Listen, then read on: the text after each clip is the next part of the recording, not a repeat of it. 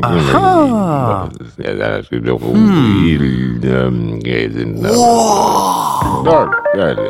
ook een Vzeto na znanje. Podcast Kemijskega inštituta.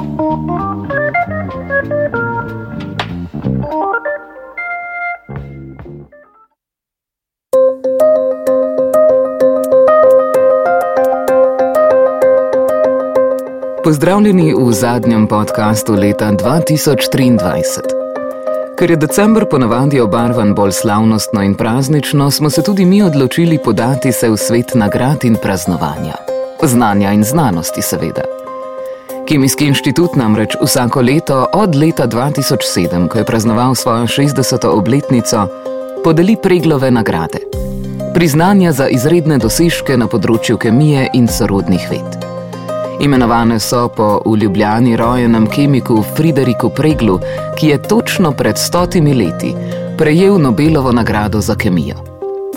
Kot raziskovalec in predavatelj na univerzah v Gradcu in Innsbrucku je med drugim vzpostavil izjemno natančno metodo za kvantitativno organsko mikroanalizo. Pregel je sicer najprej študiral medicino, ko je bil promoviran za doktorja vsega zdravilstva, pa se je odpravil na podoktorski študij v Prago. Kasneje je gostoval tudi v več uglednih laboratorijih po Nemčiji. Poleg medicine ga je privlačila kemija, da nimo elementna analiza spojin, predvsem žolčnih kislin. Do leta 1912 je s svojimi kvantitativnimi mikroanaliznimi metodami že lahko določeval elemente kot so oglik, vodik, dušik in žveplo, v 5 do 13 mg vzorcih, kasneje celo v 3 do 5 mg vzorcih. Med drugim je izboljšal tudi napravo in takratno metodo za kvantitativno organsko elementno analizo oglika in vodika, ki jo je razvil Justin von Liebig. Metoda temelji na sežigu majhne količine vzorca v platinasti ladici, v stekleni cevki, v nežnem toku prečiščenega zraka in določitvi oglika preko nastanka oglikovega dioksida in vodika preko nastanka vode. Da je lahko selektivno določeval le oglik kot oglikov dioksid in vodik kot vodo, je v cevko ugradil še univerzalno absorpcijsko oblogo, ki zadrži vse razen oglikovega dioksida in vode. Absorpcijska obloga je sestavljena iz zmesi bakrovega oksida in svinčevega kromata med dvema plastema srebra, ki sledi plast svinčevega dioksida na azbestu segretem na 180 stopinjah Celzija. Plin je na to vodil v naslednjo absorpcijsko cevko, napolnjeno s kaljevim hidroksidom, v kateri se je ujel oglikov dioksid, in v absorpcijsko cevko, napolnjeno s kalcijevim kloridom, v kateri so se ulovile molekule vode. Absorpcijski cev, ki je stehtal pred analizo in po končani analizi, ter iz razlike mas izračunal maso oglika in vodika v vzorcu. Pa naj bo zaenkrat dovolj o tem znanstveniku iz zgodovine, posvetimo se aktualnim znanstvenim glavam. Tudi letos so namreč v slovenski filharmoniji podelili preglovo nagrado trem nagrajencem, ki so svoje dosežke dosegli v preteklem letu. Dr. Kristjan Lorber z odseka za anorgansko kemijo in tehnologijo Kemijskega inštituta je prejel nagrado za svoje doktorsko delo, v katerem je preučeval reakcijo suhega reforming metana v sintezni plin, ki predstavlja pomembno surovino za proizvodnjo kemikalij in goriv. Komisija je zapisala, da njegovo raziskovalno delo predstavlja pomemben prispevek k razumevanju kompozitnih katalizatorjev iz kovin prehoda ter oksidnih polprevodnikov za izvajanje energetsko potratnih kemijskih reakcij pri milejših pogojih in z uporabo vidne svetlobe. Drugi nagrajenec je bil dr. Leonard Jean Morio, ki je prejel nagrado za doktorsko delo z naslovom nanokompoziti kot elektrokatalizatorji za uporabo v reakcijah v gorivni celici in elektrolizatorju. Komisija meni, da njegovo raziskovalno delo predstavlja pomemben prispevek k razumevanju elektrokatalizatorjev in odpira poti za zmanjšanje stroškov ter povečanje učinkovitosti vodikovega gospodarstva. Nagrado pa je prejela tudi sodelavka Kemijskega inštituta dr. Anna Oberlindner za doktorsko delo z naslovom Površinske modifikacije celuloznih nanomaterialov, mehanizmi, kinetika in njihove aplikacije. Delo je opravila pod mentorstvom docenta dr. Uroša Novaka in so mentorja izrednega profesorja dr. Blaža Likozarja. Preučevala je torej celulozne nanomaterijale, ki predstavljajo okolju prijazno alternativo plastiki. Doktorica Oberlindner se je posvetila manj poznanemu področju modifikacije teh materijalov s plazemsko obdelavo, kar je vključevalo eksperimentalno delo, poglobljen študij mehanizmov ter določitev kinetike hidrofobizacije. Nagrado so ji podelili, ker njeno raziskovalno delo predstavlja pomemben prispevek k prehodu na trajnostno gospodarstvo in zmanjševanju okoljskega odtisa embalaže, ter je bilo tudi večkrat nagrajeno, da nima štipendijo L'Oreal UNESCO za ženske v znanosti. Ob tem dosežku smo doktorico Ano Oberlindner povabili tudi v naš studio. Je pričakovala, da bo pristala med letošnjimi priglovimi nagrajenci? Uh, ne morem reči, da sem ravno pričakovala, sem pa se sama prijavila.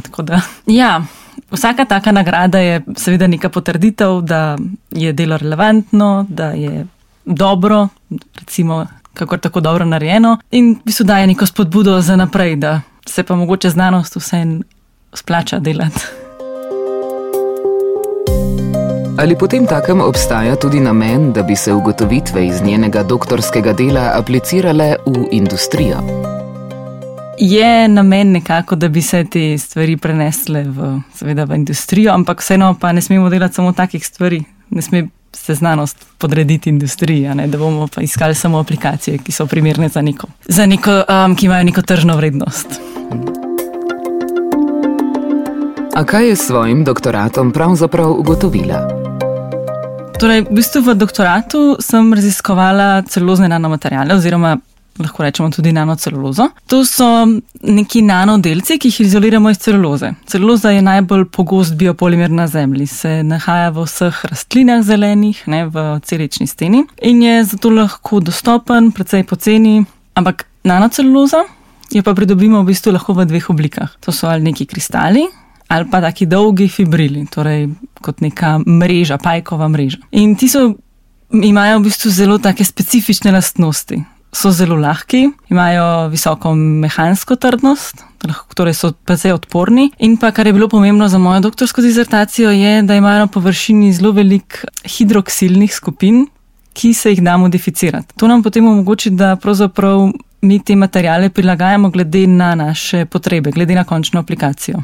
A, jaz sem se v doktoratu posvetila predvsem hidrofobnim modifikacijam. Torej, predvsej velika težava nanoceluloze oziroma celuloze nasploh je, da so zelo hidrofilni, torej so zelo občutljivi na vodo, jo imajo radi, jo absorbirajo, srkajo, kar pa si mi recimo v aplikacijah za embalažo, kar sem jaz raziskovala, ne želimo. Si želimo, da so odporni na vodo, da je ne prepuščajo in tako naprej.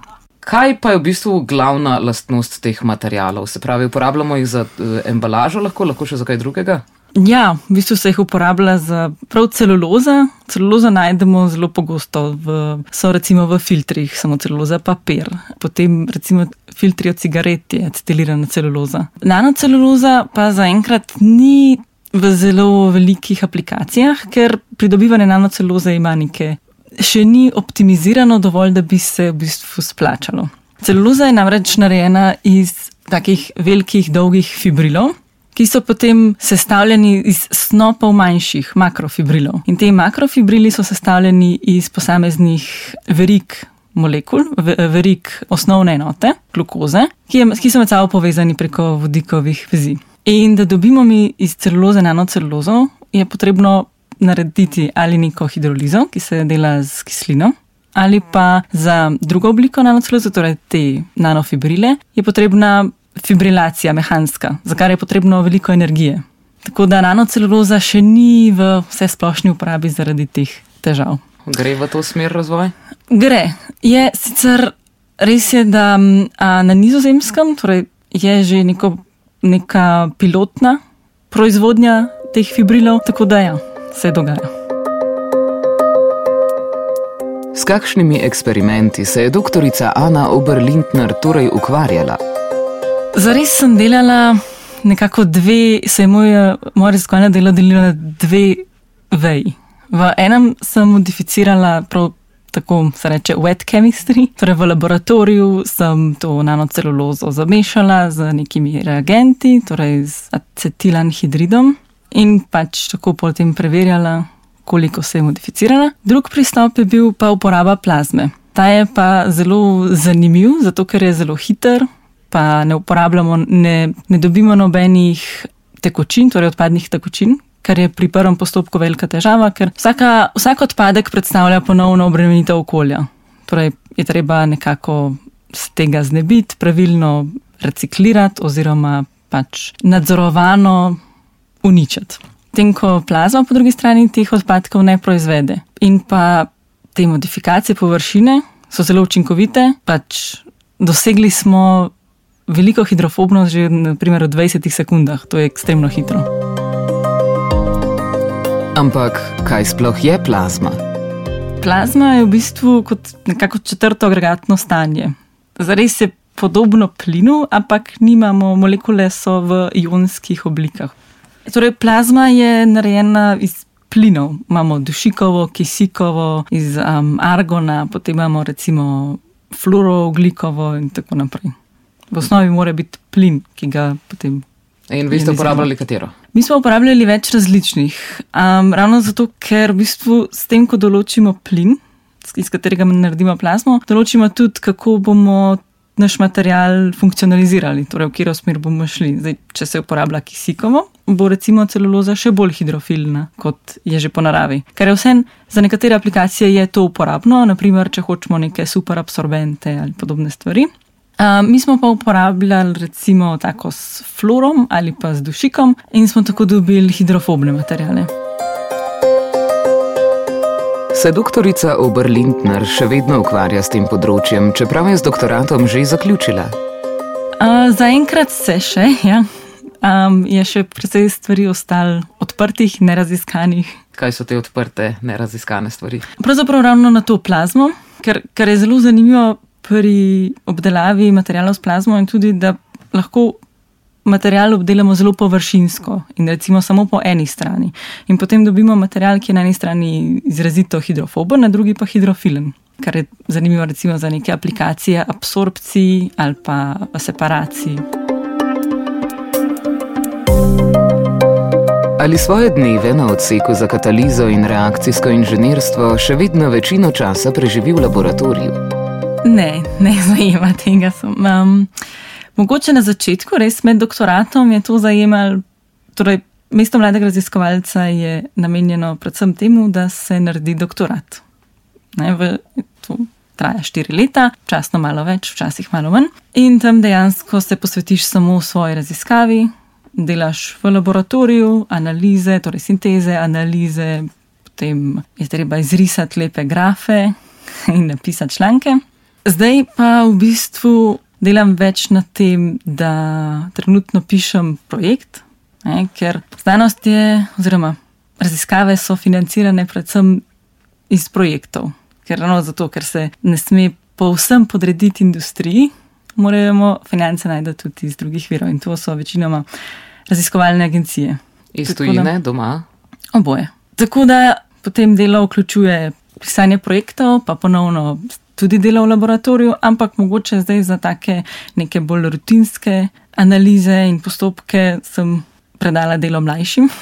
torej sem jim pokazala, jih izvečila in lahko take stvari že delajo sami. Potem seveda pisanje znanstvenih člankov, kar pa se mi zdi zelo pomembno, je pa tudi predajanje znanosti širši javnosti, tudi s tem se tudi kar precej ukvarjamo, od delavnic za otroke pa um, take stvari. Da mogoče so tudi določene nagrade zgolj zaradi tega, da se osvetli v javnosti kakšno polje raziskovanja.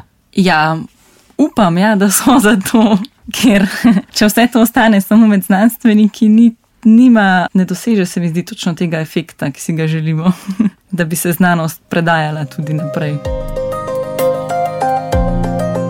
Preglava nagrajenka je sicer že prejela nagrado za svoje delo, štipendijo L'Oreal UNESCO za ženske v znanosti. Čeprav je v imenu štipendija, je to tudi neke vrste nagrada. Torej, gre za enkratni znesek, ni štipendija, ki bi potekala dlje časa, recimo eno leto, ampak gre za enkratni znesek. Z kriterij nekako za pridobivanje pa je bil predvsem že do takrat narejeno delo. Torej, podobno kot za preglovo oziroma vse ostale nagrade, nekako se je ocenjevalo, kaj je že narejeno. L'Oreal UNESCO štipendija za ženske v znanosti se podeljuje mladim raziskovalkam v zadnjem letniku doktorata, to je običajno ali tretji ali četrti, tako da je zelo specifično, kdaj se lahko prijavljaš in s kakšno tematiko. Tematika mora biti pa iz doktorata oziroma ocenjuje se doktorat. Je teh nagrad dovolj, delujejo spodbudno? Definitivno delujejo spodbudno. Se mi zdi, da jih je v zadnjih letih vedno več. Včasih toliko, da pravzaprav ne poznamo niti vseh. Je pa tako, nekako se mi zdi, da doktorat in znanstveno delo ne bi smel biti namenjeno samo temu pridobivanju nagrad, ampak je nagrada na koncu nare, pač dejansko nagrada za dobro upravljeno delo. Bi si želela doktorica Oberlindner kdaj tudi sama prejeti Nobelovo nagrado? Ja, no, seveda, mislim, da noben znanstvenik ne more reči, da nima te želje, je pa res, da to so v bistvu kar je pri Nobelovih nagradah zanimivo, mogoče malo nefer, je, da prejema, prejemniki so trije na leto, recimo, ne, za take raziskave, sploh v današnjem svetu. Raziskave se mi zdi, so vedno bolj podrobne, razširjene, vedno vključujejo več stvari, več tehnik, več. Um, pravzaprav so zelo interdisciplinarne. In Nobelovec je načeloma en, oziroma, no, kot sem rekla, trije. Medtem ko za te raziskave je potrebnih veliko, veliko več ljudi.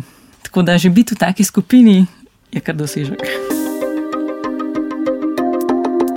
Pa tudi preglova nagrajenka ve, zakaj je Nobelovo nagrado leta 1923 prejel Friderik Pregel. Ja, vem. torej, Friderik Pregel je razvil zelo natančno analitično tehniko, kar je bilo v tistem času precej pomembno. V začetku 20. stoletja se je začela razvijati biokemija, kjer so imeli manj vzorcev, kot je bilo do takrat običajno. Ne? In tehnike niso dopuščale, da bi lahko določili elementno sestavo. Friedrich Pregel pa je s svojim, svojim razvojem analiti, zelo natančne analitične tehnike to omogočil. Torej, ni bilo več potrebno par gramov neke biološke sestavine, ampak manj. Kako pa danes tehtate? Jaz se s temi stvarmi ne ukvarjam, tako da že moje stvari, ki jih jaz uporabljam, delam na vem, desetinko grama natančno. Pa smo govorili o milijoninki. Sej nanodelci, naprimer iz celuloznih nanomaterialov, so pa kako veliki? Ok, kot sem prej rekla, v bistvu imamo dve vrsti.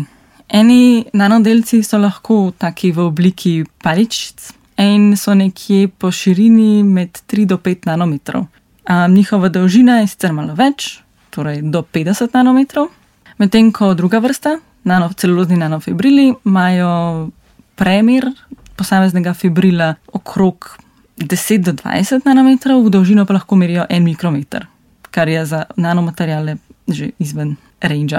Torej so dolgi fibrili. Ampak nikoli ne gledamo enega posameznega materiala, to so zmerno skupki, lahko pač dovolj, da tehtamo en gram, šest gramov. Odkje pa pravzaprav dobite potem te materijale, naprimer v primerjavi s Friedrichom Preglom, eh, jih imate eh, kako že manj, več? Kako jih pridobimo? Pravzaprav obstaja zelo velik tehnik in tudi na to metod se še veliko raziskuje na tem področju, kako kako efektivno. Pri, efektivno pridobiti te nanomaterijale, ampak mi, jaz, kar sem delala z nanocelulozo, sem jo pač kupila oziroma naročila iz tiste pilotnega obrata na nizozemskem. Ker če ne bi pa to pomenilo še kar precej več dela.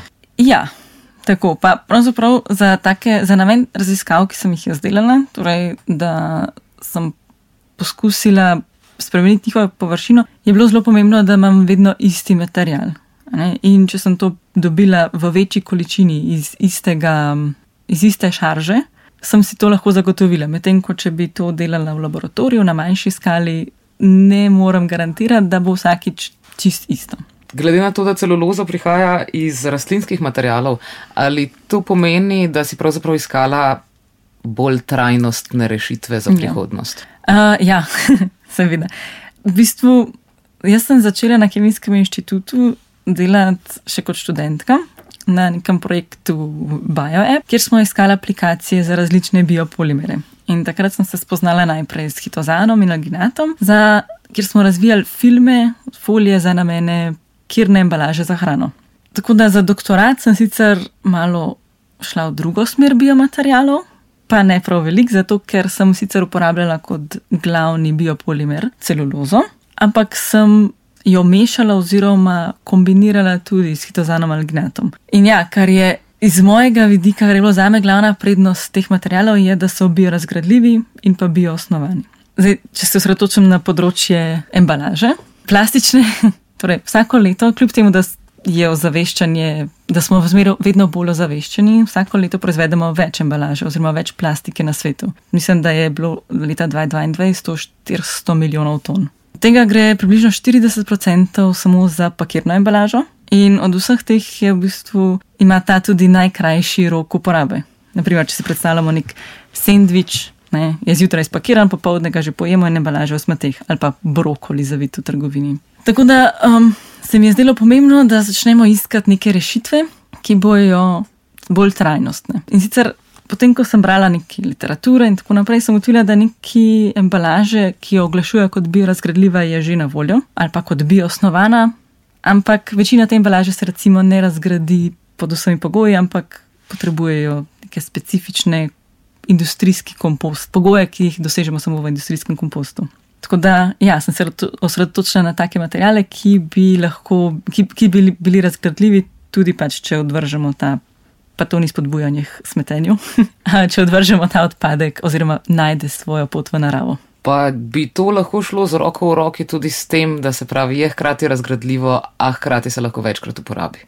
Ja, v bistvu smo delali tudi te raziskave, če bi se dali to reciklirati, torej da ponovno raztopimo, pa potem naredimo material še enkrat. Ampak vidim kot glavni problem recikliranja zaenkrat je, da se tu zanašamo v bistvu na končnega uporabnika, da bo odpadek pravilno vrnil, odvrgel, kar se, se mi zdi tudi z klasičnim recikliranjem. Pogosto se tukaj ustavi ta krog recikliranja. Ko govorimo o biorazgradljivih materijalih, se ljudje včasih bojijo, da jim bo ovitek razpadel prej, kot bo zgnil brokoli, ki je zavit v ta ovitek. Je ta strah na mestu? ne, seveda ne, ker še vedno so za biorazgradnjo pomembni pač mikroorganizmi, ki jih najdemo v zemlji ali pa v recimo, aktivnem blatu v čistilnih napravah. Na brokoliju tega upamo, da ni. Za konec naj še enkrat čestitamo letošnjim preglovim nagrajencem. V prvi vrsti naši današnji gosti, dr. Ani Oberlindner, pa tudi dr. Kristjanu Lorberju in dr. Leonardu Žanu Morjoju. Poleg tega pa naj vam čestitamo še srečen vstop v novo leto. Tudi tokrat sem bila z vami, Pija. Lepo se imejte.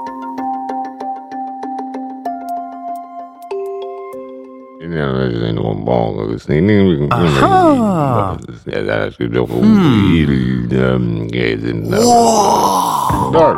is nog een Vzeto na znanje.